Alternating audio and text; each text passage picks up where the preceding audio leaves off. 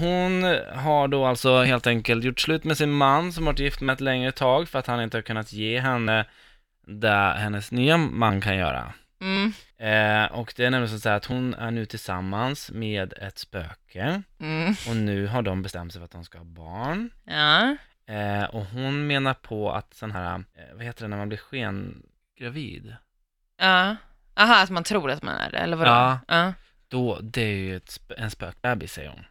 Det Ah, Okej. svåra nu det är, att, det är att föda ut det. Aha. Det här, låtsas- det här är spökbebisen.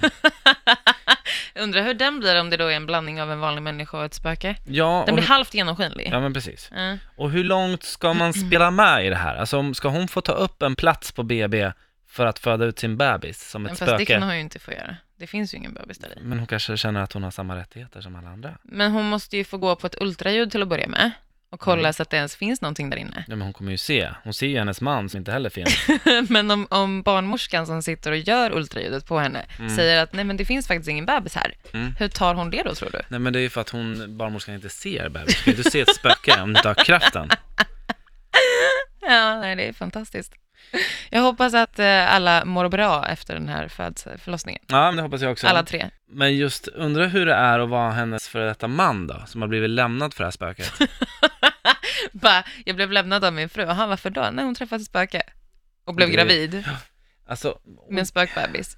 jag tror, jag siar in i framtiden nu, men jag tror att det kommer bli ett hårdare klimat kring det här.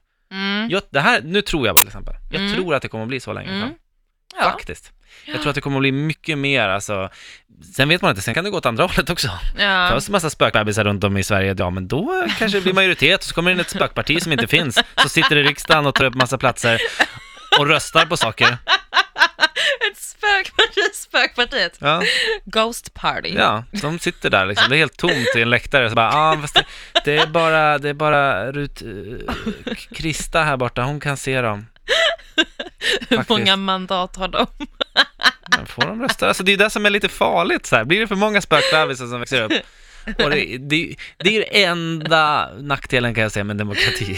Ja, ja. Att det blir liksom så här, ja, allas röst ska höras. Ja, Ja, alla vi tror på psykopater. spöken. Vi har ett spökparti. Vart är de då? Nej, de syns inte. Vi vill, eh, vi vill res- att man ska respektera de som inte finns. Då sitter de där. dör. Vad tycker spökpartiet då? Ah, de säger här att, eller de väser, jag känner att de, de vill, de vill att man ska, ja, det här vill de. Fattar du vad mycket man Ja. kan få igenom Ja. som den personen som ser alla spöken Ja. som ingen annan ser? Ja, ja, ja, ja, ja. Du kan ju få igenom vad som helst. De vill att, man ska, de vill att vi, ska, vi vill höja bostadspriserna för att då kan ingen bo där, då kan vi hemsöka dem. Det är viktigt för oss.